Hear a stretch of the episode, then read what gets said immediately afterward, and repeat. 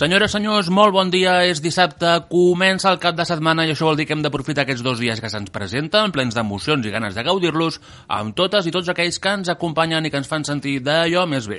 Deixem els problemes i preocupacions del dia a dia enrere i disposem-nos a passar aquests dos dies el més agradable possible. Això és Fem Poble, un programa de ràdio que et recorda que aquí, a Sant Antoni, al Vallès, passen moltes i moltes coses. Carai, si en passen. Per això som aquí, amb vosaltres. Avui, com no podia ser d'altra manera, us hem de parlar de l'incidència del coronavirus a casa nostra i és que aquest és el factor que ara mateix ha fet suspendre totes les activitats previstes per aquest cap de setmana de moment a Sant Antoni. Parlarem amb el nostre alcalde perquè ens doni a conèixer de primera mà quines seran les principals afectacions al nostre poble en els propers dies i en les properes hores. Si vols saber què passa a Sant Antoni de Vilamajor, només tens un camí. Fem poble, dona peu al teu cap de setmana. Qui us parla i acompanya en Jordi Saula, la Sílvia Benítez i en Jordi Garcia. Titulars i comencem.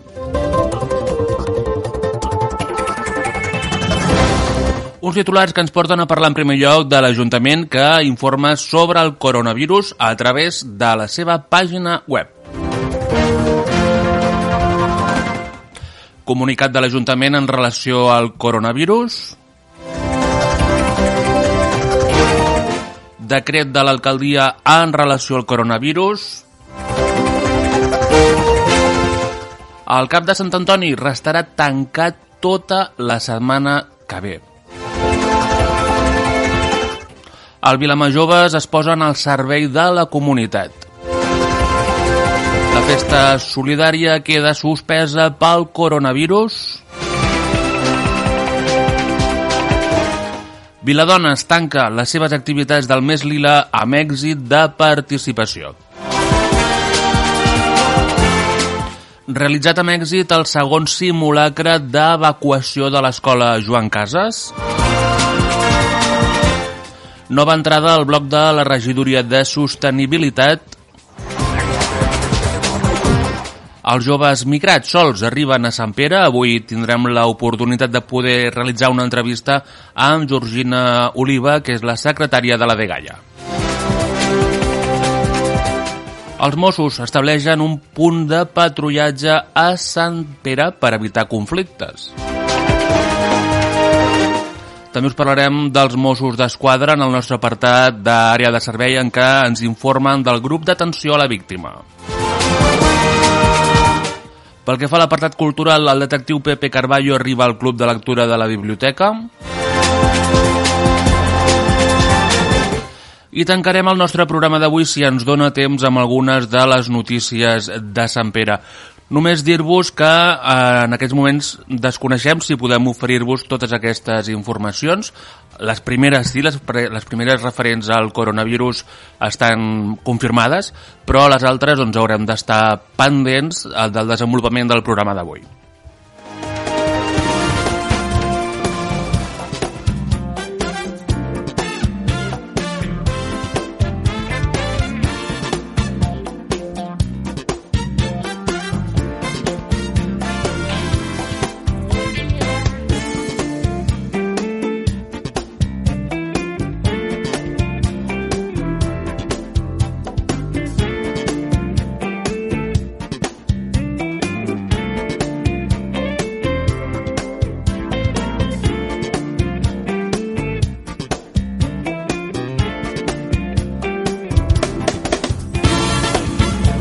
Donem un cop d'ull a temes de societat. Ara, al Fem Poble de Ràdio Vilamajor. Doncs tal com us dèiem, l'Ajuntament informa sobre el coronavirus a través de la seva pàgina web. Una de les informacions que es poden escoltar a través de la pàgina web és el que us oferim a continuació. Intentarem eh, doncs, informar-vos.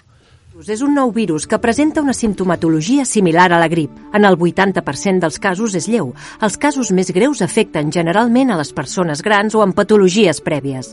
Es transmet per les gotes respiratòries i pel contacte directe de les secrecions amb el nas, els ulls i la boca i té un període d'incubació de 2 a 14 dies. Els símptomes més comuns són malestar general, febre, tos i dificultat per respirar. Per prevenir el coronavirus, renta't sovint les mans durant 20 segons, sobretot després de tossir o estornudar. Tapa't la boca i el nas amb un mocador d'un sol ús o si no en tens amb la cara interna del colze i renta't les mans de seguida. I no comparteixis menjar ni estris sense netejar-los degudament. En cas de tenir algun dels símptomes descrits, malestar general, febre, tos o dificultats per respirar, i a més a més recentment has viatjat a una zona afectada o has tingut contacte estret amb alguna persona diagnosticada, podries estar afectat. Truca al 061 Salut Respon, t'informarem del cas de fer i si vols saber més, entra al nostre web. I per parlar ja del de desenvolupament d'aquest virus, del, del coronavirus aquí al nostre poble, tenim amb nosaltres a l'alcalde en Raül Valentín. Molt bon dia. Hola, bon dia. Doncs explica'ns, eh, quina és la teva opinió ara mateix sobre el que està passant? Bé, doncs que d'un i la que, la que ens ha caigut. Uh, és un tema molt complicat, d'una una gestió molt, molt complexa per part de tots i que ens obliga a tots a col·laborar, perquè això sí que està clar, que si no col·laborem tots, això té una molt difícil solució. Mm -hmm. I quines mesures està prenent l'Ajuntament ara mateix per intentar almenys eh, no ampliar el coronavirus? Uh, estem seguint totes les instruccions al peu de la lletra que ens marca el Departament de Salut, la Generalitat. Tenim Bé, com ja sabeu, ja diguéssim, la, la zona esportiva està tancada, bé, les escoles, uh -huh. instituts, escola bressols, estan tot tancat. Uh, ara mateix, aquesta nit han tancat ja els bars i restaurants també. I bé, estem sent, bé, tenint el màxim de, de cura de que tota aquesta, tota aquesta normativa que va generant la, la, la Generalitat es vagi implementant de la manera més ràpida i possi possible en el, al nostre territori. Uh, és això, Uh -huh. és molt complicat tot plegat perquè entenem que clar, els nens, la feina uh, però és que estem parlant d'una cosa molt complicada i d'una malaltia que bé les conseqüències són, -huh. són potents de fet, el comunicat de l'Ajuntament que tenim aquí mateix el que ens explica és que hem de seguir les directrius adoptades per la Generalitat de Catalunya en tot moment, que el tancament del casal d'avis estarà tancat durant 15 dies, respectar estrictament la tercera part de l'aforament dels edificis municipals en tots els actes, d'acord amb les entitats esportives utilitàries dels equipaments de tancament dels recintos esportius municipals durant aquest període tant pels partits com pels entrenaments i això inclou el, el futbol, el futbol sala i l'handbol. El contacte permanent amb el, amb el CAP per seguir l'evolució de la situació, el preavís dels cossos de seguretat, policia, bombers i protecció civil per possibles actuacions, la instal·lació de gels desinfectants als edificis municipals i també la, es, recomana, es recomana des de l'Ajuntament doncs, a la ciutadania l'ús de la seu electrònica i evitar, en la mesura del possible, tràmits presencials que no tinguin caràcter urgent. Sí, això afegir el tema del mercat perquè d'inici eh, la instrucció era tancar-lo i de fet el Llinàs ahir va tancar mm. eh, Palau Tordera demà tenia previst tancar-lo del tot però eh, la Generalitat ha demanat expressament que les parades de producte fresc eh, mm. segueixin i doncs és la modificació que es va fer del decret on eh, bé, les set parades que tenim mm, en el mercat de, de fruita i verdura més la de mel, que també seria un producte fresc, seran les parades que demà obriran, entenent per això que malgrat que obrin el que es tracta és de respectar distàncies, que la fruita i la verdura només la toquin els, els, els treballadors de la, de, la, de la parada. I bé mmm, el que no sabem encara és mm, fins quan perduraran aquestes mesures. No? Això, això jo crec Haurem que això de... és, la, és la mare dels ous de tot plegat. Al final, si això jo personalment ja afirmo que amb aquests 15 dies que estan decretats mm, realment tinguem prou. Jo, vaja, mm, tot i que són 15 dies, que és cert, i que això té una afectació molt important a tot, a tot nivell, si acaben sent 15 dies crec que podem estar molt contents. Fa la pinta de que poder poder no en tindrem prou, però bueno, jo afirmo ara mateix que sigui així.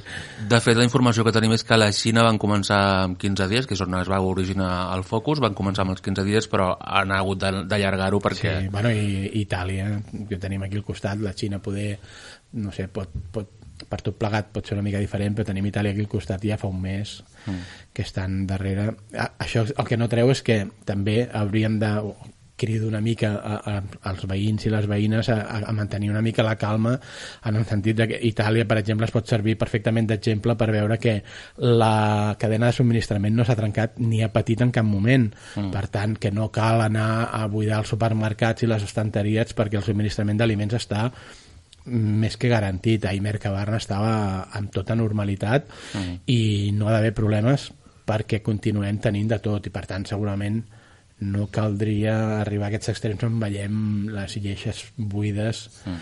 i carros enormes que no vaja, que no caldria eh? mm. que no ha de passar res de tot això de fet trobem als supermercats Mm, que comencen a carregar carros i mm. carros i, això, i... Que, que no estem en aquestes circumstàncies i no haurem d'estar en aquestes circumstàncies no cal, no, no perquè el sistema funciona quan l'afectació és aquesta i tenim l'exemple aquí al costat d'Itàlia on no hi ha hagut cap problema uh -huh. Eh, una de les últimes notícies que hem tingut és que el CAP de Sant Antoni tancarà les seves portes. Els usuaris com poden eh, a quin cap han d'anar, com poden gestionar les seves urgències. Sí, el cap, el cap tanca durant tota la setmana que ve, eh, d'inici... bueno, jo crec que això és, això és per quedar-se, és a dir, els divendres i dilluns a la tarda eh, tancarà, uh. -huh. però ja per un tema de propi del propi personal del CAP en situació normal i ara tanca pel fet de que clar, a base de metges, infermeres, infermers, mm, treballadors confinats, les necessitats dels CAPs acaben bé, eh, amb la reestructuració que ha tingut el CatSalut, doncs eh, s'estimen més que el CAP de Llinàs, que és on hem d'anar ara, estigui a, a ple funcionament les, i que uh -huh. vagi a, a, a que estigui tot cobert, que no tenir dos caps a mitges que potser no servirien per donar un, una, o sigui, veuen que és millor concentrar tots els esforços a Llinars que de fet és la nostra és amb mm. qui compartim el, el centre de referència. Sí, l'equip de l'Almogent Sí, de l'Almogent, exacte. I de, des de salut s'estima més tenir un cap a Llinars potent que no pas tenir dos que vagin coixos de fet, el que llegíem a, a dia d'ahir és que els del cap de Sant Pere enviaven a mhm. la gent al cap de, de, de Sant Antoni sí. i la, si el cap de Sant Antoni està tancat vol dir que han d'anar a Llinars. A Llinars, sí. Mm, no sé si ja ens podem trobar amb un saturament o... Mm, mm, Departament de Salut uh, s'ha estimat més que estiguin tots els seus esforços concentrats a Llinars. Uh, de fet, les, el que demanen és que no hi anem a no ser que sigui de, a dia d'avui que no sigui realment una urgència que primer truquem per telèfon uh, i, que, i a veure si uh -huh. de fet si és per un tema del coronavirus s'ha de trucar i et venen a casa a veure val? no cal anar al cap mm, per evitar justament tot això per evitar contagis, per evitar que es propagui si algú té la necessitat de trucar al, al 112 al 061 i des d'allà ja li faran, activaran el protocol i ja li enviaran a casa perquè li facin les proves si algú té algun dubte mm. i respecte a això doncs CatSalut o el departament ha optat per mm -hmm. per concentrar-ho a Llinars doncs. Clar, perquè no sé si l'Ajuntament eh, en aquests moments té previst de quina manera els veïns poden arribar d'aquí de Sant Antoni a, a Llinars ara mateix eh, el que tingui alguna dificultat per a trucar al 112 o al 061 per veure com s'ha de, com li han de gestionar la, mm. la, la necessitat i més tenint en compte, o sigui, encara la Generalitat a dia d'avui encara mm, no està activat, no ens ha passat cap protocol d'actuació amb aquest tipus d'enfermetat, mm. no sabem no sabem com l'hem de tractar, el que sabem és que ens hem d'intentar doncs això, no? confinar-nos, intentar que no es com menys contacte social hi hagi millor, però no sabem com s'ha de tractar i no tenim els mecanismes, per tant també seria una mica agosserat que tinguéssim, o sigui, com portem nosaltres algú al cap eh, en funció de... difícil, difícil. Perquè en aquest sentit el transport públic com, com es troba? Bueno, el transport públic segueix com estava a l'espera de que no vagi pitjor en funció de les baixes que tinguin des de Segalers. Ells tenen un pla de contingència activat des de l'AMTO perquè el transport segueix funcionant igual Uh -huh. uh, el que passa que bueno, és, mm, clar, el nivell de baixes que puguin tenir i tot plat, o sigui, ells tenen un pla de contingència per atendre les baixes però que com tot, tot acaba tenint també un, un límit però que esperem, esperem i de moment no hi som ni de tros a prop d'arribar a aquest, a aquest límit eh? Vull dir, de moment seguirà el servei operatiu i no tenim o sigui, encara no ens han avisat ni de que han arribat a, a tenir eh, vaja, ni el, o sigui, no tenen ni el 50% de, de, de, de, de baixes per poder atendre el servei, és a dir, que no, no s'ha activat encara ni el primer nivell d'alerta per saber que el problema del transport sigui un problema, diguéssim. És a dir, que estem en estat d'alarma però no siguem alarmistes. Bé, jo crec que el, el, el, el, estem en estat d'alarma perquè això es propaga, es propaga molt ràpid, no per la resta de coses.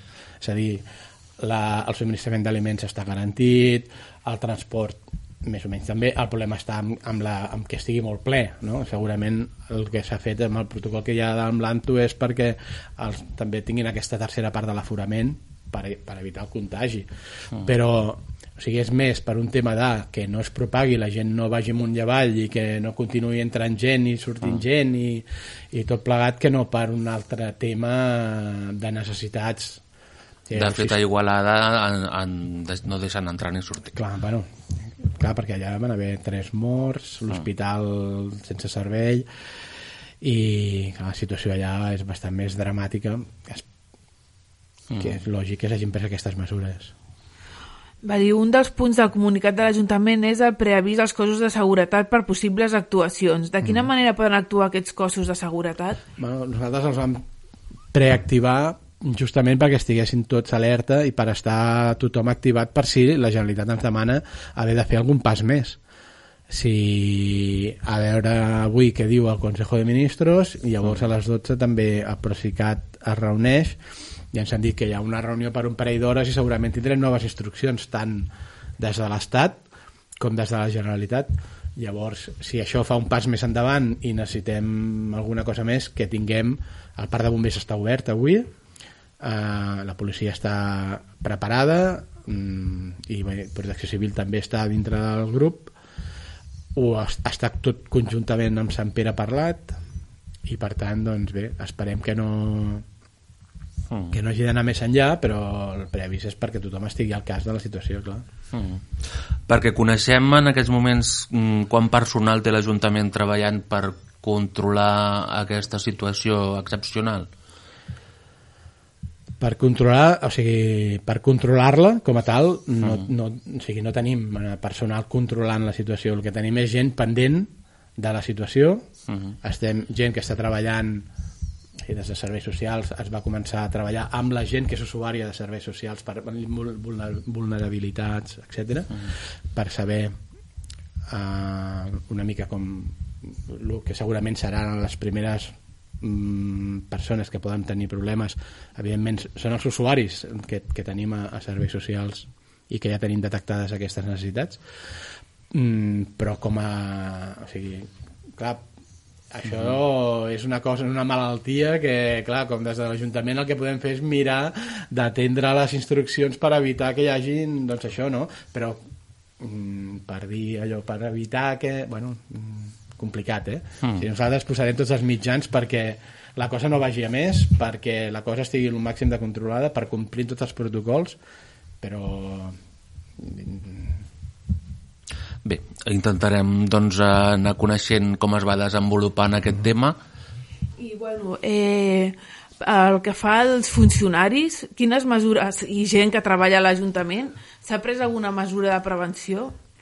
Uh, segurament avui, bàsicament perquè en el delegat del govern uh, tenim molta comunicació estem permanentment en contacte uh, ja una mica se'ns ha avisat de que uh, una de les mesures que sortirà segurament serà com obrirem a partir de dilluns el que segurament, bueno, però és avançar coneixements perquè no ho sabem, eh? però segur que variarà el tema de l'atenció al públic eh, ja de fet ja estàvem demanant que la gent fes les coses mm, per telèfon o per internet a no sé què fos urgent i imprescindible que vinguessin a l'Ajuntament però però segurament amb, amb, amb les normes o amb les mesures que s'adoptin avui ja parlarà de com serà durant aquests dies l'atenció al ciutadà que segurament serà molt més limitada com a Ajuntament. Una altra cosa és que s'habilitin canals per parlar o pel tema de la malaltia i del contagi, però però vaja que l'Ajuntament té com a, per fer tràmits normals segurament la seva activitat caurà en picat Bé, doncs el que hem de dir és que de, des de Serveis Socials s'ha realitzat una llista de persones vulnerables. s'ha, o sigui, des de serveis socials el que sempre, estem parlant sempre d'usuaris de serveis socials no de, de gent de tot el municipi, perquè clar, els serveis socials saben la gent que va a serveis socials, no la que no hi en, la que no hi va no els tenim controlats. Llavors sí, una mica s'ha començat a treballar amb, amb els que sí que tenim controlats. Mhm.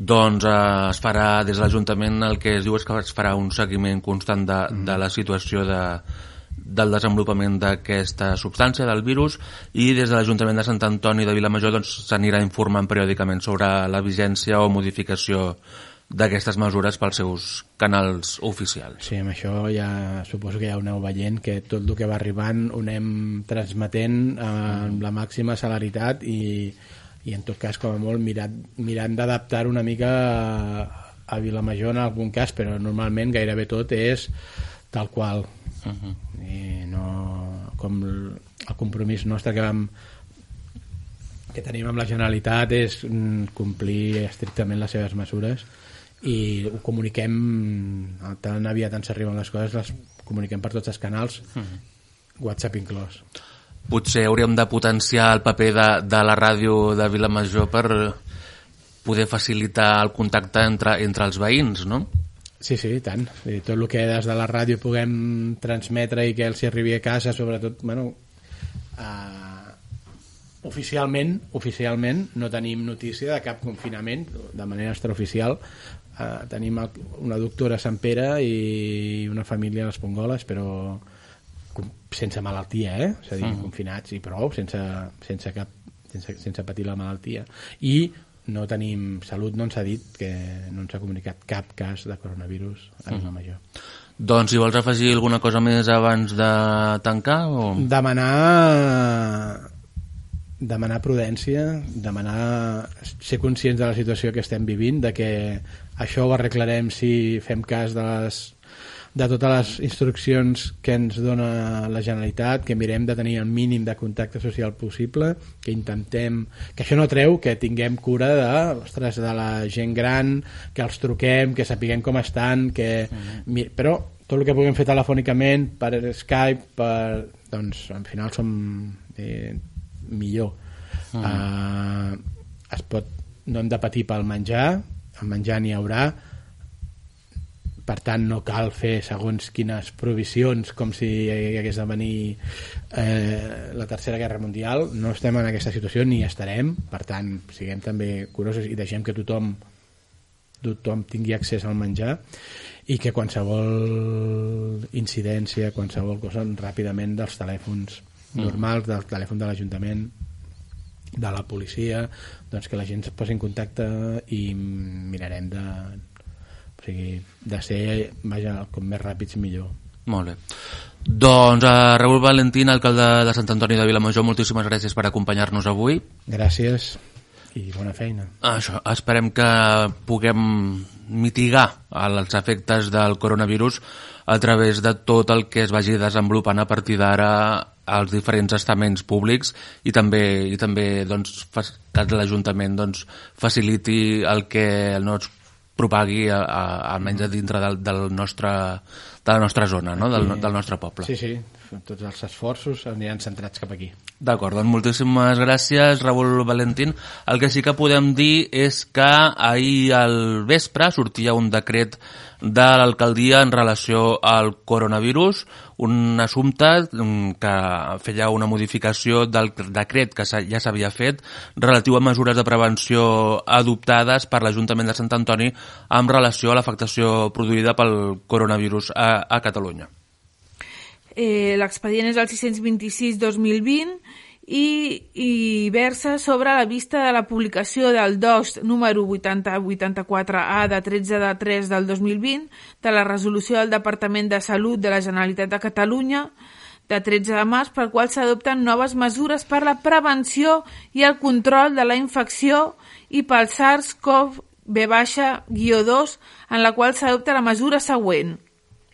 Doncs respecte de les, de les activitats relacionades amb els mercats d'abastament de productes frescos a l'aire lliure, mentre no hi hagi una indicació expressa que digui al contrari, cal que es garanteixi la seva continuïtat amb, amb el benentès que hauran de complir la resolució d'11 de març pel qual s'adopten mesures de distanciament social en relació amb els esdeveniments multitudinaris.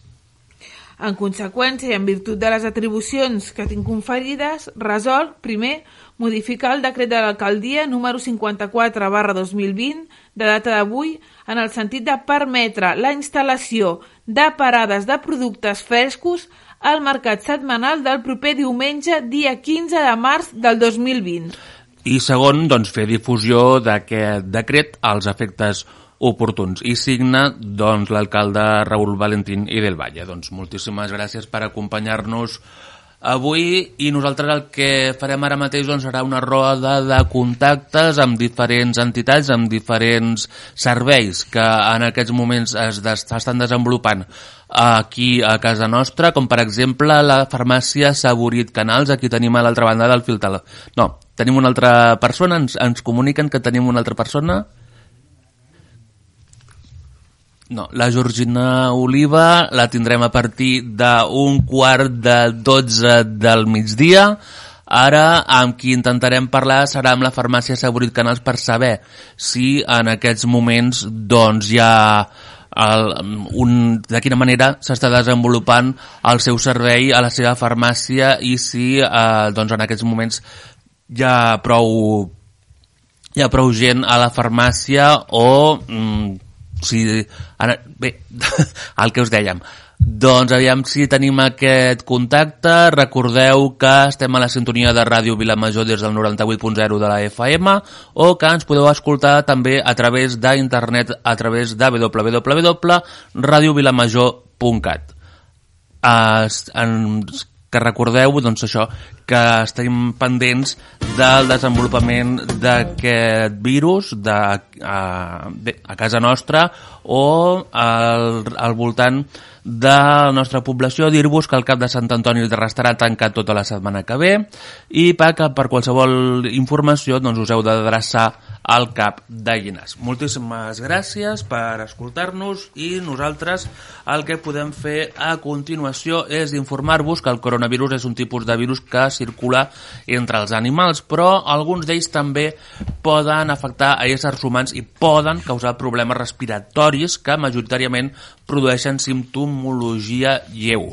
Uh, sabem que algú tenim a l'altra banda del fil telefònic, doncs ara mateix encara no, però sí que dir-vos no poden. Doncs a veure si podem parlar amb l'Andreu Ubach, que és de l'Ateneu Popular.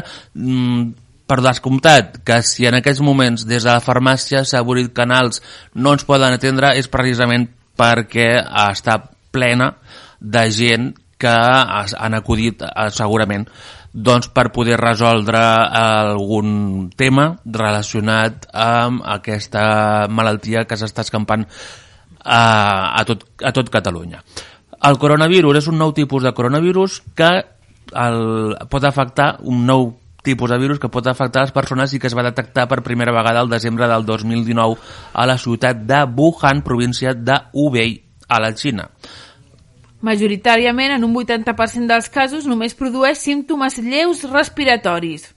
Davant l'increment de les consultes al respecte del coronavirus, l'Ajuntament us proposa gaudir de les darreres informacions oficials, tot seguint els enllaços sobre aquesta notícia que trobareu a la pàgina web de l'Ajuntament. A través de la web santantonidevilamajor.cat, se us conduirà a la plana oficial de la Generalitat de Catalunya on podreu consultar les recomanacions i darreres informacions referents a coronavirus. A més, també mm, trobareu recomanacions de la Diputació de Barcelona per rentar-vos les mans correctament. Doncs en diuen que tenim a l'altra banda del fil telefònic a l'Andreu Bach, que és de l'Ateneu Popular de Vilamajor. Molt bon dia, Andreu. Hola, bon dia. Bon, molt bon dia. Doncs explica'ns, eh, mm, ara fa un moment eh, teníeu una reunió, però el més important que podem comentar en aquests moments és que eh, la presentació de, del local del carrer França que s'havia de fer aquest matí a partir de les 12 del migdia, si no tinc mal entès, aquesta Sí. també s'ha suspès, oi? Bueno, suspès, l'ajornem. L'ajornem fins a tenir una nova data quan ens tornem a poder reunir i doncs puguem muntar una bona, una bona inauguració per l'espai. Uh -huh. Uh, com estàs vivint tu el tema aquest de, del coronavirus? Home, amb tranquil·litat, la veritat, no sé, doncs, si ens hem de quedar a casa uns dies, doncs ho farem, no hi ha problema. També mm, poder gaudir del medi rural d'una altra manera, suposo que genera menys estrès i bogeria que, que la ciutat, no? Mm. Mm, si ens vols afegir alguna cosa més? Bueno, sí, no, ja, ja que comentaves el tema aquest de la inauguració del local, res, era comentar que, que això, que estem des de l'Ateneu i amb el cau de Vilamajor amb moltes ganes de poder obrir aquest espai pel poble i Mhm. doncs per poder fer moltes coses comunitàries, que és evident que ara doncs, no es podran fer durant uns dies, però a la que es pugui fer, eh, doncs, doncs, doncs sí, que volem tenir ganes de que sigui un punt de trobada, de que sigui un espai de, de reunió, de, de espai social, un espai jove, sobretot també, i, i això, bueno, era comentar aquesta cosa només. El que també hem de dir és que la resta d'activitats que teníeu previstes per als propers dies han hagut de suspendre's, no? Sí, sí, sí, evidentment el, el, el que és la setmana que ve hi havia un passi documental que de moment l'hem suspès Mm. i bueno, com que també això de moment el, el planning és de a, a dues setmanes vista ja veurem què és el que passa després i com que és dinàmic, en realitat doncs, eh, ja es veurà per les coses de l'abril, no? però com, com la resta. Sí que teníem aquest documental de les noies del Carmel que, que en principi el suspendrem. Molt bé. Doncs continuarem en contacte en tot cas, no? Sí, exacte, eh, Vinga. sempre que faci falta. Molt bé, doncs Andreu, moltíssimes gràcies per atendre'ns i nosaltres que continuem endavant. Moltíssimes gràcies. Vale, endavant, que vagi molt bé. Gràcies. Molt bé, doncs el, ara la Sílvia ens explica què és el que ens deien des de, des de l'escola Joan Casas i és que el que fem ara mateix és posar-nos en contacte amb l'AMPA del Joan Casas, en concret amb la Fanny, perquè des de l'AMPA ens expliquin de quina manera estan vivint aquest estat de aquest estat d'emergència? Bueno, hem rebut un comunicat de la Laura, la directora del, de La l'escola Laura- Joan Casas, La Laura Bertran. de la Laura Bertran.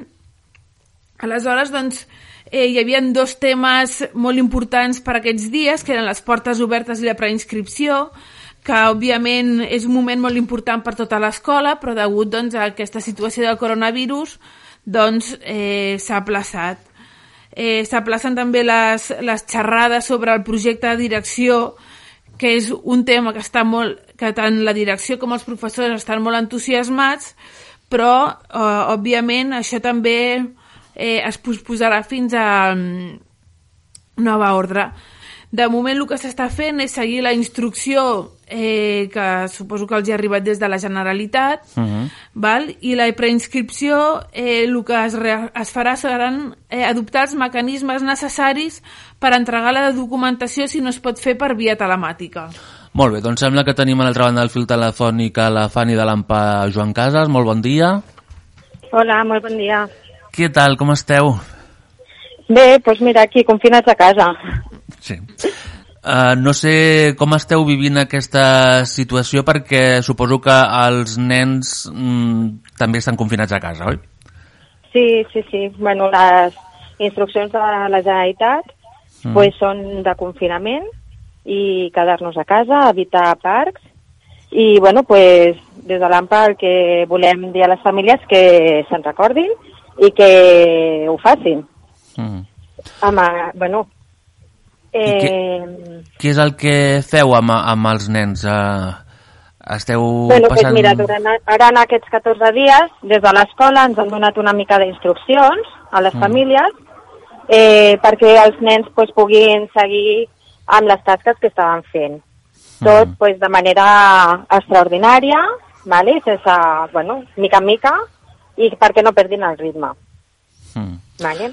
També, bueno, pues, eh, que les famílies sàpiguen que sempre pues, poden fer manualitats, eh, jugar amb els nens i aprofitar pues, aquells moments que en el dia a dia pues, no es pot estar amb els nens, eh, aprofitar-los ara i fer vida de família. Uh, la, la meva companya també té alguna pregunta a fer. Eh, Vale. Se us ha donat alguna informació sobre, sobre com conciliar la vida familiar i la vida laboral? Bueno, això avui en dia és molt difícil. Eh, des de des d'entitats mm, oficials no han donat cap mena d'informació. El que fem el par els pares doncs, és organitzar-nos, qui pot fer treballs eh, des de casa doncs, s'organitza així, i si no, doncs, sempre em sembla que des de la Generalitat havien havien fet la manera de que podies demanar la reducció de jornada Uh -huh. per poder combinar-te amb la parella per poder eh, estar amb els nens. Perquè vosaltres, com a pares, eh, suposo que també aneu a comprar, eh, aneu als supermercats. Eh, com m'heu vist als supermercats eh, aquests dies aquí Sí. al poble? Bueno, pues hem intentat fer també una previsió durant aquesta setmana Mm. per intentar haver de sortir el menys possible aquests dies i, i bueno, quan haguem de sortir pues, ho farem sobretot pues, sense els nens, eh, sortint només el pare o la mare i comprant pues, eh, lo estrictament necessari. Tampoc cal que tinguem mig supermercat, mig supermercat a casa, que ja sabem tots el que ha passat. Uh -huh. Sí, sí. D'acord, doncs... Eh, una, una pregunta més? Bueno, jo el que volia dir és que si eh, amb els nens, per exemple, us heu plantejat eh, no tindre el nen tot el dia a casa, sinó sortir a fer un vol pel carrer, ni que sigui, etc. Bueno, les instruccions de la Generalitat són molt clares. És de confinament i haver de sortir el mínim possible. Mm -hmm. És com el que he dit abans, doncs hem d'evitar els parcs, que és una font de contagi important. Llavors, hem de tenir clar que no són vacances, que, bueno, que és un moment excepcional i per això doncs, hem de tenir les mesures excepcionals. Eh, tenim, bueno, per sort, avui en dia, amb, amb la televisió en streaming, pues, eh, tot es fa més fàcil. Però bueno, que si haguéssim de sortir, pues, mm, faríem el mínim possible i pues, a boscos, no? Eh, tenim la sort de que aquí pues, tenim la muntanya i, i bueno, se, sempre es fa més fàcil, no? La, poder fer una sortideta curta perquè els nens pues, escampin una mica la boira. Però, bueno, sobretot això, no? Pues res de pas, intentar pues, no juntar-nos amb altres nens per intentar que això eh, es propagui el menys possible. D'acord. Doncs, Fanny, moltíssimes gràcies per atendre'ns aquest matí i esperem, doncs, això, que es vagi desenvolupant aquest tema i que, bé, que prengueu, prengueu les mesures oportunes. Molt bé, moltíssimes gràcies a vosaltres per contactar amb nosaltres. Molt bé, doncs moltes gràcies. Acabem de parlar amb l'AMPA Joan Casas. També us volem dir que a continuació el que farem serà parlar amb l'Aranzazu de Viladones, a veure si tenim aquesta oportunitat, perquè hem de dir que Viladones tenia previst realitzar aquest mes de març, tot el mes de març, a realitzar activitats per les dones, però aquestes activitats han hagut de ser suspeses. També dir-vos que arran de la crisi originada pel coronavirus, l'entitat Vilama Joves ha decidit posar-se al servei de la comunitat per oferir la seva ajuda a aquells que ho necessiteu. Podeu contactar, contactar amb ells a través del telèfon mòbil 667 09 05 31 o bé a través de les xarxes socials a l'Instagram o Twitter arroba vilamajoves. Doncs el que fem ara mateix, parlar amb l'Aranzazu, molt bon dia. Bon dia. Doncs, Aranzazu, com estàs vivint aquests dies? Bé, doncs bé, amb, amb acceptació, perquè no podem fer una altra cosa i com que tinc moltes coses a fer, doncs aprofitaré aquests dies per fer-ho. Molt bé. El que sí que hem de lamentar és que les activitats que hi havia previstes en aquest mes lila doncs han hagut de ser suspeses, no? Sí, de moment sí, i la nostra idea és, més endavant, quan puguem, a reprendre algunes de les activitats que havíem començat. Mm. Perquè també hi havia prevista una d'aquestes activitats es realitzava demà, que era aquesta calçotada mm, amb un Sí. toc lila. Sí, dels diables que organitzaven els pocs i diables. O, o, òbviament s'ha hagut de suspendre per la situació que estem vivint actualment. També hi havia prevista un col·loqui amb dones, amb mons d'homes, que havia de participar l'exalcaldessa Maria Lluïsa Verdala, Mhm. i també, doncs, eh, no sé de quina manera heu pogut posar-vos en contacte amb elles i dir-los doncs, això, que no, podia, no es podia realitzar, no? Òbviament, en els moments que estem vivint estem tots i totes superinformats i, i queda clar, vull dir, només amb el missatge d'aquests últims dies de, del govern, de la Generalitat, queda claríssim. Mm. Llavors, el que sí que volem dir, si, Sí. per la gent que ens escolta, el concurs de paradors i de balcons i finestres el tirem endavant. Ah, Com que és una cosa que cadascú pot fer a casa seva, no s'ha de relacionar amb molta gent i de més, ho tirem endavant. Uh, la, el resultat sortirà el dia 29, com estava previst, Mhm. i com que no sabem què passarà, uh, ja veurem quin dia fem l'entrega oficial de, dels premis. Molt bé. D'acord. Doncs, Aranzazu, si vols afegir-nos alguna cosa més... Doncs res, que us cuideu, que us tanqueu, que siguem responsables entre tots i totes i que, que no s'acaba el món tampoc, que és el moment per aprofitar per llegir, veure pel·lícules, estar amb la família i fer feina de la universitat o de l'escola. D'acord. Doncs, Aranzazu, moltíssimes gràcies per atendre'ns i, A i a veure què, què, què passa amb els propers dies. Esperem que tot millori. D'acord. Doncs moltíssimes gràcies i esperem això, que tot millori. Molt bé, molt gràcies. Gràcies. I el que fem ara mateix és parlar-vos d'una festa, una festa solidària de la que se n'ha fet ressò aquesta emissora, Ràdio Vilamajor, i de la qual doncs intentarem parlar amb un dels seus responsables, en Xavi Benús. Una festa solidària que queda suspesa pel coronavirus i que d'aquí una estona sabrem què, què és el que passa amb ella, si continua... Bé, mm, si continua no, perquè serà suspès, però de, de quina manera es pot ajornar aquesta, aquesta festa per tal de poder-se realitzar en un altre moment eh, que, perquè la veritat és que col·laborava molta gent amb aquesta festa.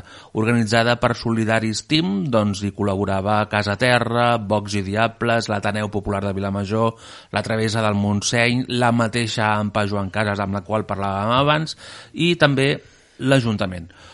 Un programa d'actes que havia de començar a les 5 de la tarda i que tenia el seu punt àlgid a les 11 de la nit amb, un, amb l'actuació de Mediterrània Van tirant dos illes i P&P Sound DJ. Doncs parlem ara mateix amb en Xavi Benús, molt bon dia. Hola, molt bon dia. Doncs explica'ns eh, què es farà amb aquesta festa solidària. El que està clar és que avui no es podrà fer, però no sé si teniu previst de realitzar-la en algun dia més endavant. Sí, a veure, està clar que la festa, per la situació de país que en la que ens trobem, l'hem tingut que posposar. Eh, hem de buscar una nova data. Tots els voluntaris, els grups, l'organització que hi estaven ficats, doncs ens vam reunir i vam, bueno, vam decidir, doncs, escolta'm, ja buscarem una altra data, però hem de fer aquesta festa solidària aquí al poble. Mm. Clar, perquè hi havia molta, molta gent integrada en aquesta festa solidària. Hem de dir que és una festa que es tirava endavant per donar suport als nens del Nepal, oi? Sí, correcte. Tots els beneficis de la festa anaven destinats a la ONG Casa Terra, amb el seu projecte de Prisoners, eh, que són els nens i nenes que estan tancats a les presons del Nepal, eh, i res, juntament amb el grup de Charango, que són els pioners, els que encapçalen aquesta ONG, doncs havíem decidit doncs, muntar, organitzar aquesta festa aquí a Sant Antoni, posant per excusa doncs, el rally que teníem que fer, que també ens l'han suspès amb el, amb el Quim Serrano, Eh, però clar, vist lo vist, eh, bueno, vam creure oportú que el primer és, és, és cuidar-nos i seguir la, els consells que ens donen des de la Generalitat. D'acord. Doncs si vols afegir alguna cosa més... No, res més. A veure, eh, la festa tenim dies per, per organitzar-la, ja us comunicarem doncs, el dia que, que s'ha de, que de, ens hem de tornar a trobar doncs, per fer aquesta festa. Eh, si hi ha alguna variació d'algun grup que no pugui venir, dels que tenia que venir, o hi ha qualsevol canvi, doncs també us anunciaríem, però en principi ja ens han dit tots que, que segueix en peu eh, l'actuació i que hem de buscar una nova data, res més. D'acord. Doncs, Xavi Ivanús, moltíssimes gràcies per atendre'ns i esperem doncs, que aquesta festa es pugui realitzar en algun moment. Esperem que sí, segur que sí. D'acord, doncs moltes gràcies. Moltes gràcies i cuidem-nos tots, eh? Això, molt bé, cuida, sí, cuidem-nos tots. Aquesta és la, una bona recomanació. Sí, sí, sí. Vinga, gràcies. Vagi bé, adéu. Molt bé, doncs nosaltres continuem endavant amb el nostre programa d'avui. Abans parlàvem amb Viladones i hem de dir que, degut a la possible propagació del coronavirus, el grup feminista Viladones doncs, s'ha doncs, vist eh, obligat a cloure les seves activitats. El que farem ara mateix, parlar amb la secretària de la DEGAIA, la secretària d'Infància, Adolescència i Joventut de la Generalitat, però dir-vos que un cop acabi aquesta entrevista, que començarà doncs, ara mateix, el que farem serà mm, oferir-vos un, un dels actes, l'últim acte que es va poder realitzar eh, per part de Viladones i que es va fer a la plaça de la Vila diumenge passat en què es va llegir la, el, el manifest de, del Dia de la Dona. Doncs el que fem ara mateix, el que us dèiem, anem directament a conèixer què és el que ens poden dir des de la Generalitat. Els joves migrats sols arriben a Sant Pere. Dilluns es va obrir la residència de joves migrats sols a la població veïna de Sant Pere, una residència que es troba a la masia de Can Canal i que va a càrrec d'Edubic, cooperativa d'iniciativa social que treballa en un projecte d'inserció laboral de joves entre 16 i 21 anys. De com s'està desenvolupant tota la gestió d'obertura d'aquesta residència i dels plans que hi ha per a aquests joves, ens en parlen des de la Secretaria d'Infància, Adolescència i Joventut de la Generalitat, la senyora Georgina Oliva. Georgina Oliva, molt bon dia. Molt bon dia. Doncs hem de dir que vostè va participar a la reunió de la fàbrica de Sant Pere per explicar l'obertura d'aquest centre de joves migrants sols? Sí. Uh, quin és el perfil d'aquests nois que ara acaben d'arribar a Sant Pere? Doncs el perfil és el que també vam, vam anunciar, no? Són nois que ja portaven un temps acollits a casa nostra, no? al país, eh, venen procedents de dos municipis del Maresme, amb uns hàbits incorporats eh, i, i amb ganes de, de treballar. No?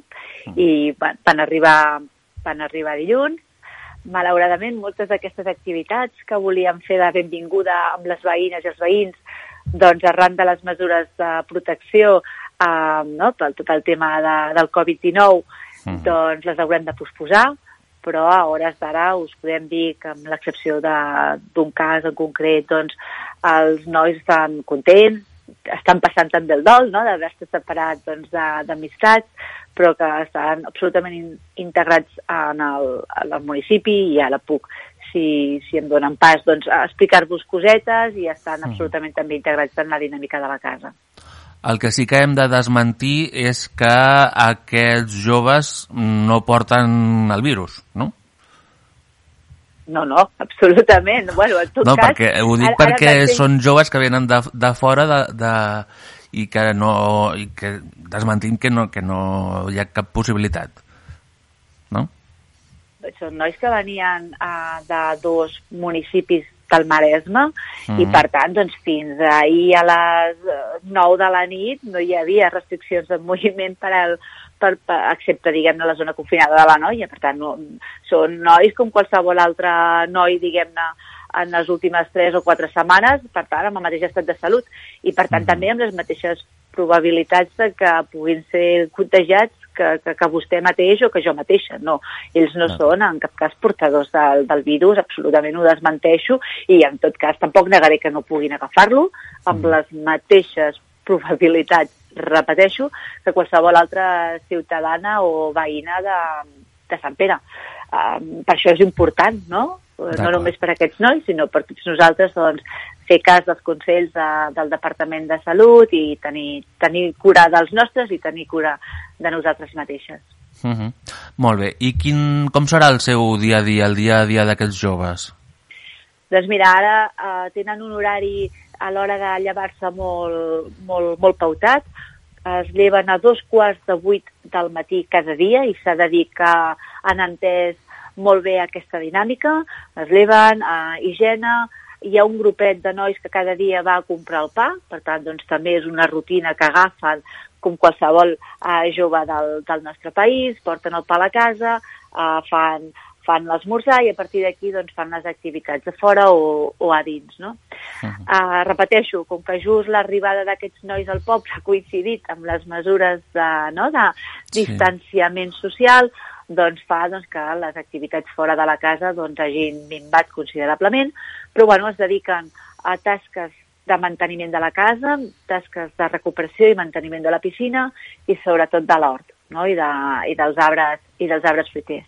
Mm. Alhora, doncs, també hem començat a engegar processos de, de, de, tenir un primer contacte amb el món laboral, no? amb, amb un taller de mecànica, amb una, amb una pizzeria, i estem treballant, repeteixo, se'ns ha quedat interromput pel tema del coronavirus, amb, amb tota una sèrie doncs, de participació social amb les entitats del poble aquí eh, vull en nom del centre i en nom de la Generalitat agrair moltíssim la benvinguda que, que han fet en aquests nois. Uh -huh.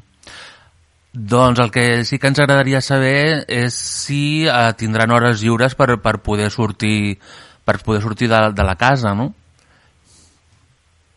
les hores lliures per poder sortir de la casa amb uns termes de, de, de normalitat doncs hi serien a hores d'ara doncs el que farem és aplicar exactament les mateixes mesures que totes nosaltres com a veïnes i veïns hem de fer, que és que evitant al màxim els desplaçaments, quedar-nos a casa, eh, prendre mesures de protecció higiènica i per tant doncs sí, en uns termes normals tindrien un horari de sortida de la casa, però repeteixo, ha coincidit aquesta arribada amb, amb, amb, no, amb el fenomen del, coronavirus i per tant, doncs, molt possiblement eh, aquestes sortides es restringiran a moments puntuals, d'anar a donar una volta, eh, mai en grup, sempre individualment, com a mesura de protecció pel tema del Covid-19, bàsicament. Uh -huh. Molt bé. Doncs si ens pots explicar quin equip de professionals eh, acompanya aquests joves? Sí, el, el número exacte no, no, no us el puc dir, però bueno, és al voltant d'un grupet de 8-10 persones, amb la Jèssica al capdavant, que és la, que és la directora del centre, qui està a disposició de, dels comerços, de, de les veïnes, de qui vulgui doncs, preguntar, qui vulgui posar-se a disposició. De fet, hi ha hagut una acció molt maca que un grup de, de veïns i de veïnes a qui agraeixo enormement doncs han portat bicicletes perquè puguin desplaçar-se i ara estem veient com podem fer un taller de, de reciclatge d'aquestes bicicletes. Són educadors i educadores. Um, també estem molt contents del que hem fet amb aquest, amb aquest grup de professionals perquè hem incorporat un professional del poble i també hem incorporat un professional que ha estat extutelat, que prèviament ha passat pel sistema de protecció, no? I per tant, doncs, són dues figures claus perquè, perquè no, la persona del poble doncs, pot ajudar moltíssim a desestigmatitzar, a facilitar quan el coronavirus ens permeti doncs, aquesta inclusió social de, dels nois en el, en el poble i ensenyar-los a l'entorn i el, la persona extutelada doncs, evidentment, no, des d'un plànol més de tu a tu, des d'haver passat per on estan ara aquests nois, des de l'experiència, des de la, també la, la trajectòria de superació, doncs jo crec que pot ser també un puntal per a aquests nois que estan a la casa. Mm. Molt bé, doncs hem de dir que estem parlant amb Georgina Oliva, que és secretària d'Infància, Adolescència i Joventut de la Generalitat. Si ens pot dir quants centres eh, disposen a, a, a Catalunya per a aquests joves que Sí. venen de fora. Sí, ara tenim doncs, unes 3.000 places repartides per, per, tot el, per tot el país, no? per tant doncs és, és important um, i sobretot el que estem fent en els darrers mesos és obrir centres doncs, com aquest, no? um, d'entre 10 i 20 places, uh, de nois entre 16 i 21 anys. Recordo que avui en dia el sistema de protecció està acollint a 5.900 joves migrats sols, un 52% dels quals, per tant, doncs, més de 3.000 són majors d'edat. I, per tant, aquí el repte ja no és tant de com donem acollida i atenció en la primera arribada, en el primer moment en el que, d'alguna manera, i entre cometes, aterren a Catalunya, sinó sobretot com els acompanyem en aquests processos de, de transició a la vida adulta i d'incorporació en el món en el món professional, no? Per això estem molt, com molt focalitzats i per això no portem ni una setmana a Sant Pere i ja estem treballant doncs, amb dos o tres ofertes laborals i, i més que en vindran eh, que malauradament doncs, no, han quedat interrompudes pel tema del, del Covid-19, no? Però bueno, pues, evidentment, no? 3.000 places residencials, prop de 500 centres, doncs eh, realment tenim un sistema de protecció que no estava pensat per atendre aquesta població, que ha tingut una gran capacitat no? de, de, de, de, virar, de flexibilitzar-se i d'atendre en aquest cas doncs, el col·lectiu de joves migracions. És a dir, que es- esteu trobant algunes sortides laborals mm, aquí a Sant Pere per, per aquests joves, no? estem trobant i més que n'haurem de trobar en les properes setmanes primeres oportunitats en el món laboral, no? Doncs fer unes pràctiques, eh, estar dos o tres horetes doncs, en l'àmbit de la restauració o en el ram- o en l'àmbit de la mecànica, perquè això és molt important. No és només per la vessant de la formació ocupacional i la possibilitat de posar-ho en un currículum, sinó també des de la vessant educativa no? Uh, poder doncs, explicar que hi ha uns horaris que s'han de complir, que hi ha unes mesures de protecció que s'han de complir, no? com, com pues, des de l'àmbit de la restauració o la mecànica doncs, són claríssims. No? Mm. Um, s'ha de ser s'ha de ser rigorós, s'ha de ser seriós a la feina, no? s'ha de ser curós amb els companys, i això són, eh, són eines educatives que també ens ajuden doncs, a, a facilitar aquest procés de, d'inclusió social, no? I per tant, doncs, també la feina, eh, no només la formació ocupacional, no només els hàbits eh, que ens permet, sinó sobretot és també una manera de dir, escolta'm, soc un jove més d'aquest poble, he vingut a guanyar-me la vida i per tant, doncs aquí estic, no? Mm. Perquè aquests centres que, que teniu a, a repartits per Catalunya, com es financen? Els paguem íntegrament, al Mhm. 100%, amb els fons propis de la Generalitat de Catalunya. Mhm. Um, evidentment, aquesta, aquest volum gran no, d'arribada de, de joves migrats sols ha coincidit en un període d'una pròrroga pressupostària de la Generalitat de Catalunya, dels pressupostos de la Generalitat de dos anys consecutius i, per tant, doncs, això ha fet que haguem de fer, de, de fer front a l'obertura i a la posada en funcionament d'aquests centres a partir de l'accés de fons de contingència i, eh, però que en tot cas el 100% els, els financia la Generalitat i en tot cas també repeteixo, perquè crec que aquest és un element important, no Sí. faltaran recursos a mesura que sigui necessari l'atenció, necessària l'atenció en aquests joves migrats sols. Mm. El que també ens agradaria saber és el tràmit de, de la documentació, perquè segons tenim entès hi ha un espai de temps eh, força ampli a l'hora de poder facilitar una documentació a, a aquests joves, no? que estigui relacionat amb, a, aquí, amb, amb, el, amb el nostre país. Correcte. Nosaltres quan els nois estan ja integrats en, el, a- en la casa, en l'equipament, i estem parlant mm, bueno, doncs que portem pocs dies, nosaltres comencem a engegar tot el procés de tramitació del permís de residència.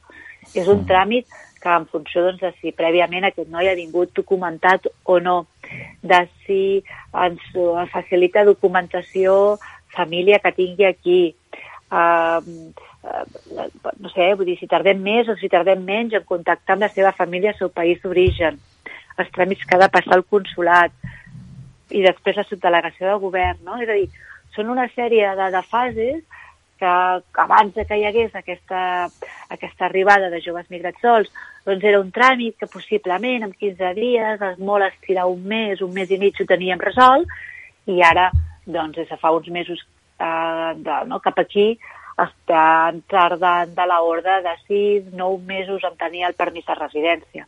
Mm.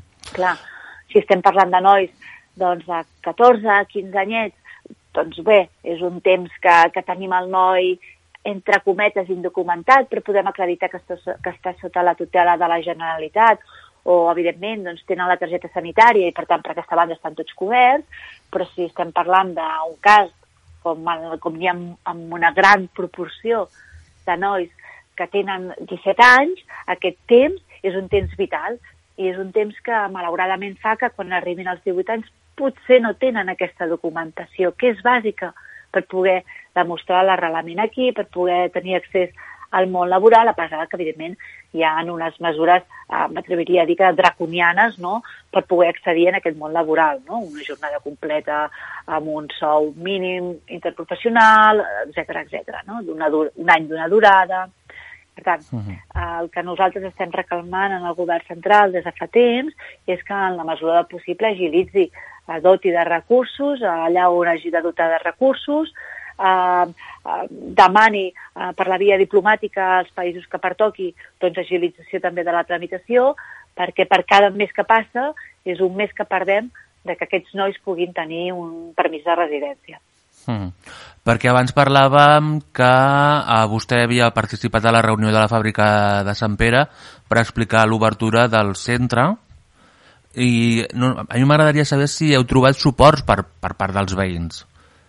Molts, molts i, i, i de veritat, eh, vull dir, aprofito l'ocasió per, per agrair-los um, des de la pancarta de benvinguda que m'han comentat que hi havia fins mm. a aquest detall de, de, de que ens han cedit bicicletes i per tant doncs, les, hem de, no, les hem de posar maques, les hem de pintar i això ens permetrà també fer un taller de bicicletes, que això també són eines per a aquests nois.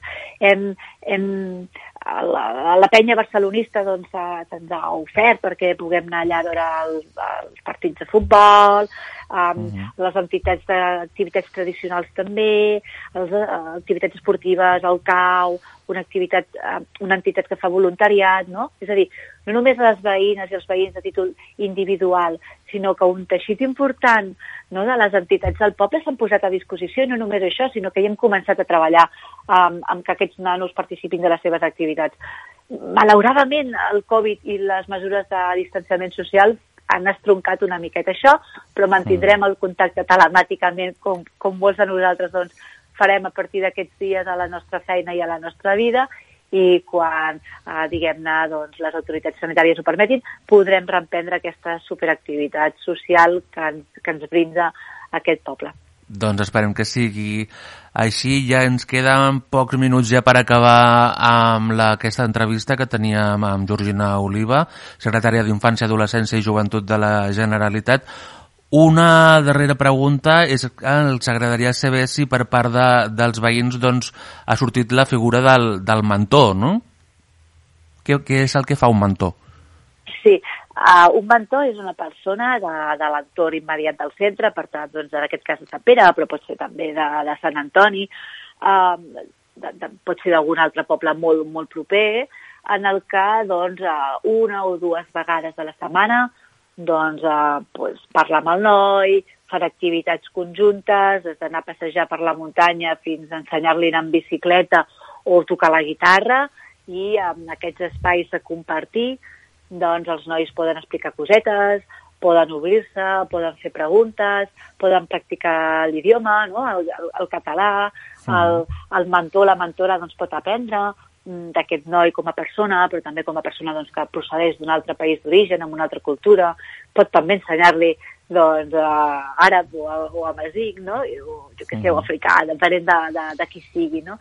I alhora, a mesura doncs, que anem intensificant aquests contactes, el mentor d'una banda doncs, ens pot ajudar a ser un bon altaveu al poble per, per, per facilitar doncs, aquesta inclusió social i desestigmatitzar possibles imatges negatives associades a aquest col·lectiu.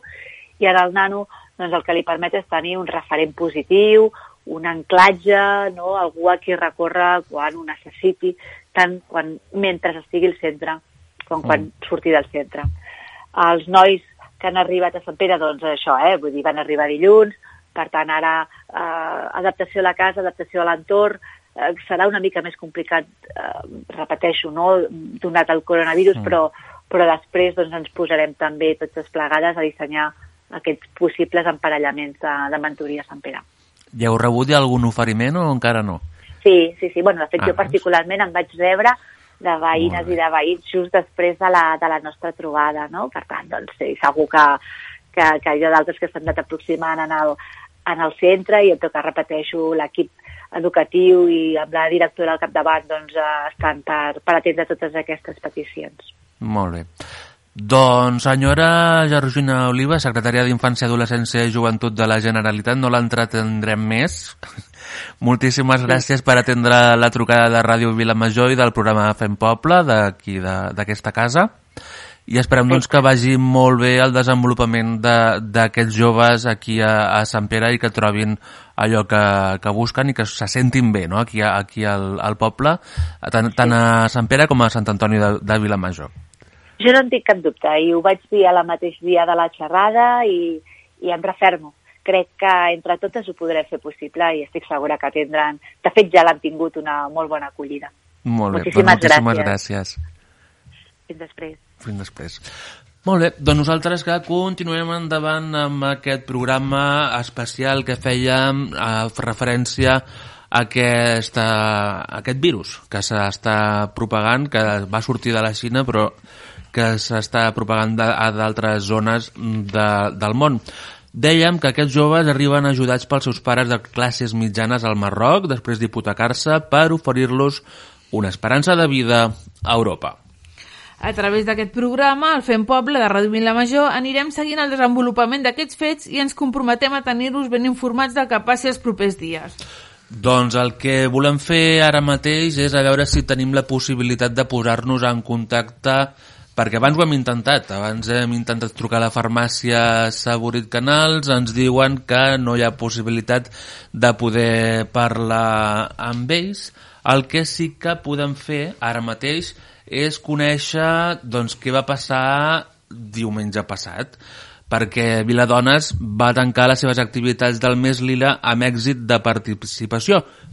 Degut a la possible propagació del coronavirus, coronavirus el grup feminista Viladona s'ha vist obligat a cloure les seves activitats. Unes activitats que havien de realitzar-se durant tot el mes de març es van cloure, per tant, diumenge passat, en una jornada, la del 8 de març, Dia Internacional de la Dona, que va comptar amb molta participació.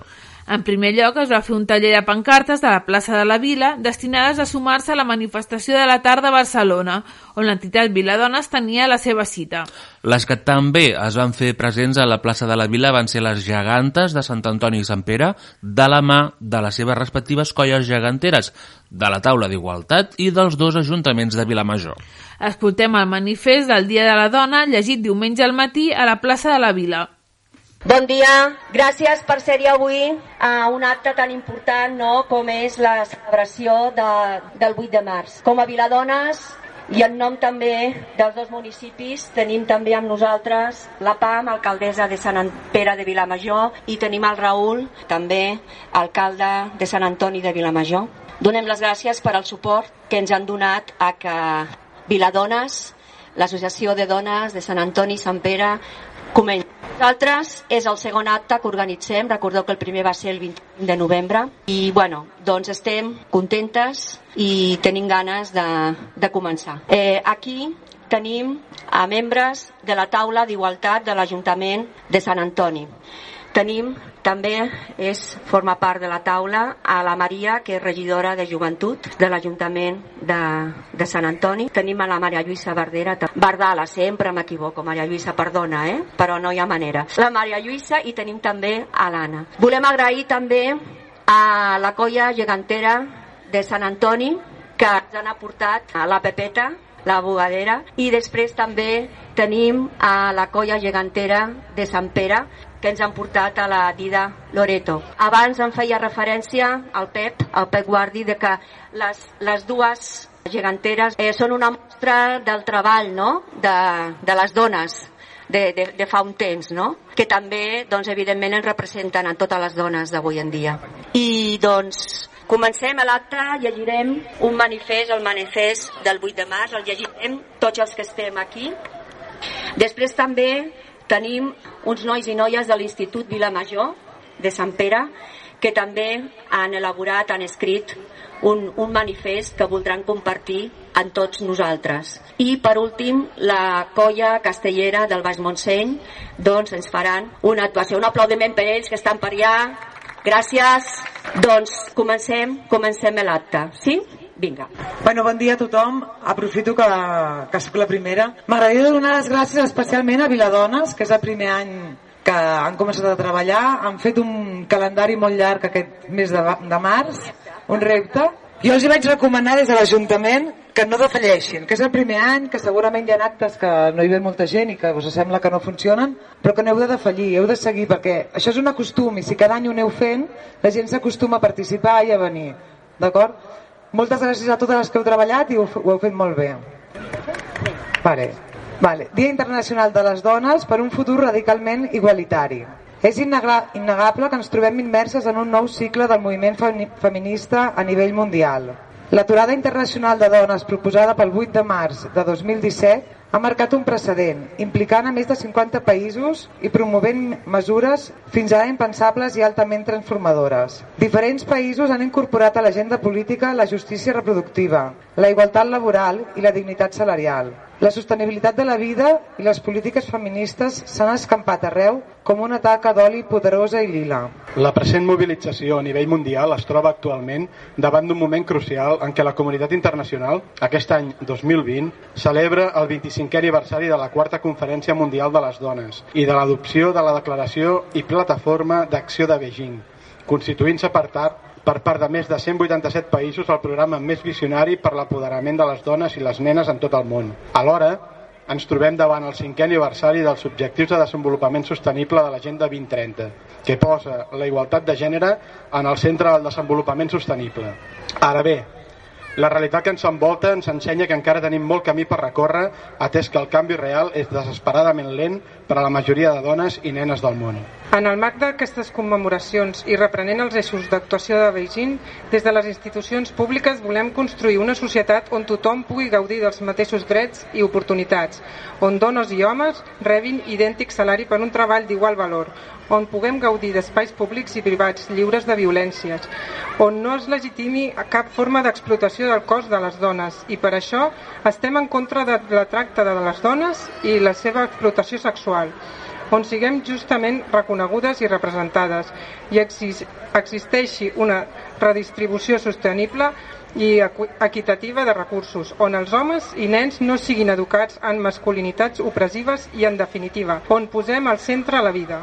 El món local, com sempre, capdavanteres en entendre les necessitats més immediates i palpadores de les realitats quotidianes. Hem començat a aplicar mesures radicals, perquè, com bé va dir l'Àngela Davis, el feminisme és la idea radical que sosté que les dones som persones. I en un moment com l'actual, en què assistim a un avenç de l'extrema dreta, des dels nostres pobles i ciutats hem d'alçar la veu i articular una resposta implacable que sigui capaç de vèncer el seu discurs, discurs tòxic ple de falsedats, tal com hem fet les dones en altres moments de la història. Perquè, com deia Simone de Bavier, no oblideu mai que bastarà una crisi política, econòmica o religiosa perquè els drets de les dones tornin a ser qüestionats. Aquests drets mai no es donen per adquirits. Heu de romandre vigilants tota la vostra vida. Som conscients que el repte de redibuixar l'actual sistema social i cultural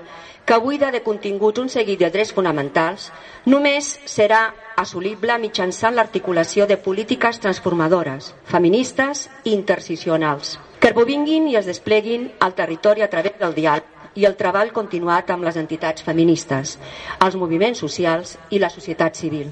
És hora que la igualtat sigui una lluita, és llarga perquè volem arribar lluny, però també perquè venim de molt, de molt lluny. Moltes gràcies. I ara demano que vingui fins aquí la Carla, la regidora de Joventut de l'Ajuntament d'Espera, que ens farà la presentació que estem, la veritat, que molt contents de que, de que puguin ser-hi aquí, aquests joves de l'Institut. Bon dia a tothom. Ara us presentaré la Comissió de Coeducació de l'Institut Vilamajor, que aquest any han volgut participar amb nosaltres en aquest 8 de març. La Lorena, l'Hugo, la Carla, l'Iris, la Vinyet i l'Arnau. Quantes vegades has escoltat comentaris masclistes en el teu centre educatiu? Quantes vegades s'han infravalorat els teus coneixements o les teves capacitats en determinades matèries per ser dona? Quantes vegades has estat violenta a la teva escola a causa del teu cos, la teva vida sexual o la teva manera de vestir. Quantes vegades tu o les teves companyes heu viscut casos d'assetjament per part de professors o alumnes? Quantes vegades els teus professors o els teus companys t'han anomenat exagerada per denunciar aquesta realitat? El sistema educatiu és un dels primers i principals espais de socialització per a les nenes i els joves i en el que es reprodueix el sistema capitalista i patriarcal. Dins de les aules s'exerceix violències masclistes, racistes, classistes i LGTBI-fòbiques. És també en els centres educatius on comencem a formar la nostra identitat sexual, influïdes per la imposició dels, es, dels espais edu educatius actuals estan encara lluny de ser un lloc on, el, on en el qual puguem desenvolupar de manera lliure i equitativa. Aquesta socialització, on l'escola juga un rol fonamental, fomenta la divisió sexual del treball, imprescindible per la supervivència del capitalisme, i que es tradueix en l'elecció dels itineraris d'estudi. Les carreres o formacions relacionades amb les cures estan fortament feminitzades, mentre que les més tècniques o científiques apenes compten amb representació femenina. A la universitat, les dones hem d'enfrontar-nos també al sostre de cristall, que ens dificulta l'accés a llocs de docència i recerca. Malgrat que constituïm la major part de l'alumnat, només conformem un 30% del professorat. Les nostres veus són silenciades en els llibres de text i les nostres aportacions a la història o la ciència sistemàticament negades. Quins són els nostres objectius? Reivindicar una educació pública de qualitat, gratuïta, laica i feminista erradicar la violència masclista de les a les aules, especialment l'assetjament sexual, així com un altre tipus de violència que també ens afecten a les dones, com el racisme, el classisme, l'homofòbia, la transfòbia, etc. Afirmar la necessitat d'una educació afectiu-sexual diversa i completa des d'edats primerenques, lliure d'estereotips heteropatriarcals que ens redueixen a objectes. Aquest 8 de març els parem per visualitzar el patriarcat el patriarcal que a través de les aules. Si nosaltres parem, es para el món.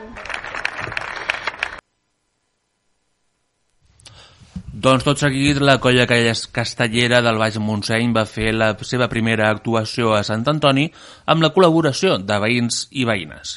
A continuació, i amb les pancartes fetes a la plaça de la Vila, les membres de Viladones es van dirigir a l'estació de tren de Llinars, des d'on van anar a la manifestació del 8M a Barcelona. Doncs 10 minuts i acabem amb el nostre programa d'avui. Ara el que fem és anar cap a Sant Pere. Al Fem Poble també ens fixem en Sant Pere, perquè a Ràdio Vilamajor som el que sents. Sant Pere resol un decret d'alcaldia sobre l'epidèmia del coronavirus SARS-CoV-2. Arran de l'epidèmia del coronavirus SARS-CoV-2 i atesa l'activació en fase d'alerta del pla d'actuació del Procicat per emergències associades a malalties transmissibles de potencial risc, s'ha activat el pla per reforçar la implementació de mesures amb objectiu de contenir el nombre d'afectacions. En relació amb aquesta situació, l'Ajuntament de Sant Pere de Vilamajor pren tot un seguit de mesures que entren a vigor a partir del dia 13 de març del 2020, és a dir, ahir, en conseqüència com a alcaldessa de Sant Pere de Milà Major L'alcaldessa de Sant Pere de, de Vilamajor va resoldre en primer, en primer terme en quant a les activitats educatives i socioculturals, en general s'atendrà el que dictamini des del govern de la General, des del govern de Catalunya i de l'Estat i a les indicacions sectorials. En el cas dels centres escolars, s'estendrà allò que estableixi el Departament d'Educació. En el cas de les activitats esportives, s'atendrà a les indicacions que està donant el govern. Es suspenen fins a nou avís i d'acord amb les indicacions donades pels diferents departaments i tenint present els col·lectius de risc, La programació d'activitats de la gent gran, atès que el col·lectiu de majors de 60 anys són un col·lectiu de risc. la programació dels actes commemoratius de la dona en el marc del mes lila, Les activitats del Centre Cívic Pinovell, del local social de les Faldes i del local social de Can Ram. l'activitat del punt d'informació La Mongia, I es suspenen totes les activitats municipals obertes al públic. En segon lloc, romandran tancats els següents equipaments municipals fins a nou avís per tal d'aplicar les mesures preventives. El Centre Cívic del Pinovell El local social Faldes, i el local social Can Ram. també el local social Can Vila, El punt d'informació a la Mongia el local social La Fàbrica. i el local municipal Can Llobera. En tercer lloc, altres recomanacions eh, del que es recomana des de l'Ajuntament de Sant Pere és evitar la tramitació presencial a les dependències municipals i aconsellar que exerciu tots els tràmits administratius amb l'Ajuntament via telemàtica, telefònica o per correu electrònic. Suspendre els oficis i activitats religioses. En relació amb el mercat setmanal dels dissabtes, el que recomana l'Ajuntament de Sant Pere és fer pedagogia i difusió de les mesures higièniques i intensificar-hi les actuacions de prevenció relacionades amb la neteja i la higiene, la manipulació d'aliments i el contacte amb la gent. Recomana que la gent no es desplaci a centres comercials, espais i a centres esportius on hi ha concentració de gent. I en quart lloc, mesures preventives en relació amb el personal municipal es recorden les mesures preventives d'higiene genèriques a seguir de protecció individual enfront de les malaltes respiratòries. Rentar-se les mans freqüentment amb aigua i sabó o solucions alcohòliques al 70%, especialment, especialment després del contacte directe amb persones malaltes o al seu entorn. Tapar-se la boca i el nas amb mocadors d'un sol ús o amb la cara interna del colze en el moment de tossir o estornudar i renteu-vos les mans de seguida amb solucions alcohòliques al 70% o amb aigua i sabó. Evitar el contacte proper, almenys a una distància de dos metres, amb persones que pateixen infeccions respiratòries agudes i presenten tos, estornuts o expectoracions i no hi compartiu les pertinències personals. Evitar compartir menjar i estris, coberts, gots, tovallons, mocadors i altres objectes sense netejar-los degudament. Garantir la ventilació adequada dels espais de treball, ja sigui per via natural o per via estructural. Cal netejar regularment determinades superfícies per assecar o fer desaparèixer les gotetes de fluix de tot aquests virus, com els escriptoris dels llocs de treball on s'atenguin els usuaris. Es prohibeix al personal municipal l'assistència a cursos, jornades o congressos fora de l'àmbit municipal. Qualsevol treballador o treballadora de l'Ajuntament de Sant Pere que tingui febre, tos, sensació de falta d'aire i malestar general tampoc no podrà compareixer al seu lloc de feina i resta obligada a comunicar-ho al seu cap de departament o al seu cap de l'àrea i es potenciarà el teletreball a ser possible. L'únic departament autoritzat per informar la ciutadania en general per mitjà dels canals habituals en relació a recomanacions i mesures preventives acordades per l'Ajuntament és el Departament de Comunicació, depenent de l'alcaldia. Totes aquestes mesures tenen vigència fins al dia 31 de març del 2020, subjectes a actualització a mesura que es facin públiques noves instruccions per part de les autoritats sanitàries o instàncies superiors. El cinquè punt comunica tota la població d'aquestes mesures amb especial cura a les entitats d'àmbit educatiu, social, cultural i esportiu. I el que hem de dir és que aquest comunicat és signat i manat electrònicament per l'alcaldessa presidenta senyora Pamela Issús Saurí a Sant Pere de Vilamajor de la que la secretària interventora accidental, la senyora Maria Luisa Mar Magen Campo, en dona fe. I el codi de, valid de validació i signat per la mateixa alcaldessa.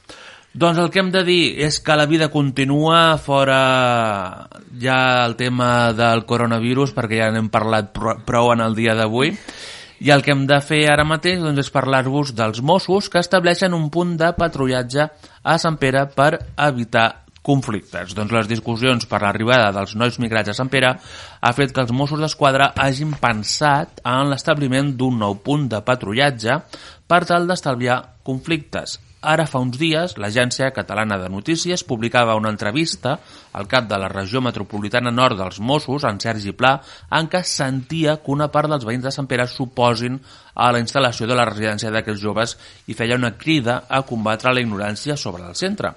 L'intendent dels Mossos en aquesta entrevista afirmava que no tots aquests joves són delinqüents i el percentatge d'aquests joves que cometen delictes és el mateix que el de joves d'aquí o d'altres nacionalitats. Uh, el comissari diu que és una vergonya que es parli en determinats termes i que s'està anant per un camí perillós quan la gent és ignorant i no sap de què parla. També demana anar amb molt de compte perquè els joves han, han vingut per quedar-se. L'intendent dels Mossos, Sergi Pla, fent referència a alguns casos produïts a Canet o al Maresme, assegura que la situació de Sant Pere és diferent i el que va passar ja estava originat per unes realitats de determinats nois que estaven cometent delictes i a Sant Pere alguns veïns estan anticipant-se. Afegeix que aquests joves han de poder rebre el mateix tracte que altres immigrants que han arribat a Catalunya, procedents d'altres zones del món i cal acollir i protegir aquests menors en comptes d'assenyalar-los. Sobre el punt de patrullatge dels Mossos a Sant Pere, Sergi Plat diu que parlen de punts d'interès i que hi ha hagut mm, i que hi ha hagut doncs això, el que us dèiem, un canvi en el territori que els obligarà a patrullar on abans no hi havia un motiu per fer-ho assiduament i en uns horaris determinats. I ara, doncs, ens queden alguns minuts, aprofitarem per comentar dues notícies que ens queden. Resultats dels pressupostos participatius a Sant Pere. L'Ajuntament de Sant Pere va iniciar el 2 de gener la fase de votació dels pressupostos participatius, un procés participatiu innovador vinculat al pressupost municipal mitjançant l'aplicació informàtica Sant Pere de Vilamajor Participa facilitada per la Diputació. Tots els vilamajorencs i vilamajorenques empadronats i majors d'edat van poder votar presencialment a la Mongia i electrònicament a través de la plataforma decidim-santperedevilamajor.diva.cat. En quin d'aquests tres projectes volia que es destinessin 40.000 euros del pressupost municipal. Acabades les votacions per part de la ciutadania, els projectes presentats i validats pels serveis tècnics s'ha comptabilitzat, comptabilitzat 69 suports, dels quals 4 no són vàlids perquè no han acabat el tràmit. Així doncs, els resultats han estat els següents. Conservació del camí entre Can Fou i Can Sunyer, entre l'Institut i la Riera, 40.000 euros, 52,3% dels pressupostos. Torna a posar, tornar a posar jocs infantils i mobiliari urbà al parc de Can Gomà per 40.000 euros, un 30,8% dels suports, és a dir, 20 persones que van votar. I fer un nou paviment a la plaça del Montseny, 40.000 euros, el 16,9% dels suports, 11 persones. 11 persones que l'han votat. Per tant, el projecte guanyador és la conservació del camí entre Can Fou i Can Sunyer entre l'Institut i la Riera. No obstant, degut a les greus destrosses que va pro- provocar la tempesta Glòria arreu del municipi, el govern municipal ha decidit posposar l'execució d'aquest projecte a l'exercici 2021 i prioritzar els 40.000 euros d'enguany a reparar els danys del temporal. Les actuacions on es destinaran aquest 2020 són la reparació dels desperfectes del temporal al passeig fluvial, ampliació de la rocalla prop del carrer Sant Jordi per un import de 8.389,26 euros i la reparació de diversos camins malmesos pel temporal per un import total de 31.610,74 euros. Seran el camí de Canson, des del cementiri fins a la carretera BP 5107, 4.840 euros amb 73 euros, Camí de Caluguet fins al transformador, 3.499,32 euros.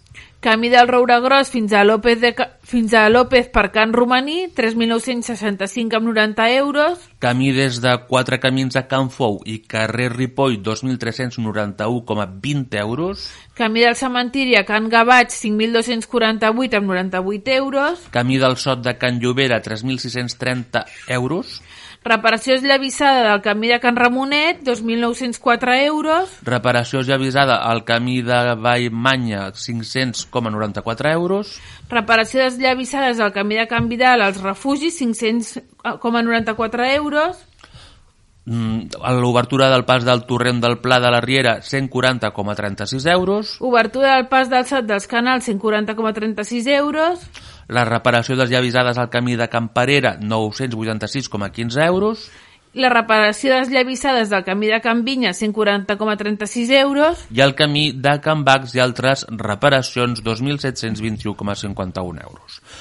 Molt bé, doncs nosaltres continuem amb el nostre programa d'avui i ara el que hem de fer és informar-vos que Ràdio Vilamajor suspèn la seva programació dilluns esports, l'ànima dels llibres i el mercadillo doncs no s'emetran fins a nova ordre. Doncs el, acabem dir-vos que eh, tenim algunes farmàcies de guàrdia a Sant Antoni que avui estan treballant amb força amb força feina per, degut a aquest, a aquest virus que ens està doncs que ens, està afectant i que hi han dues farmàcies. Farmàcia Gemma Güell, Avinguda Alfons I, número 27. I la farmàcia Segurit Canals a l'Avinguda Catalunya número 11.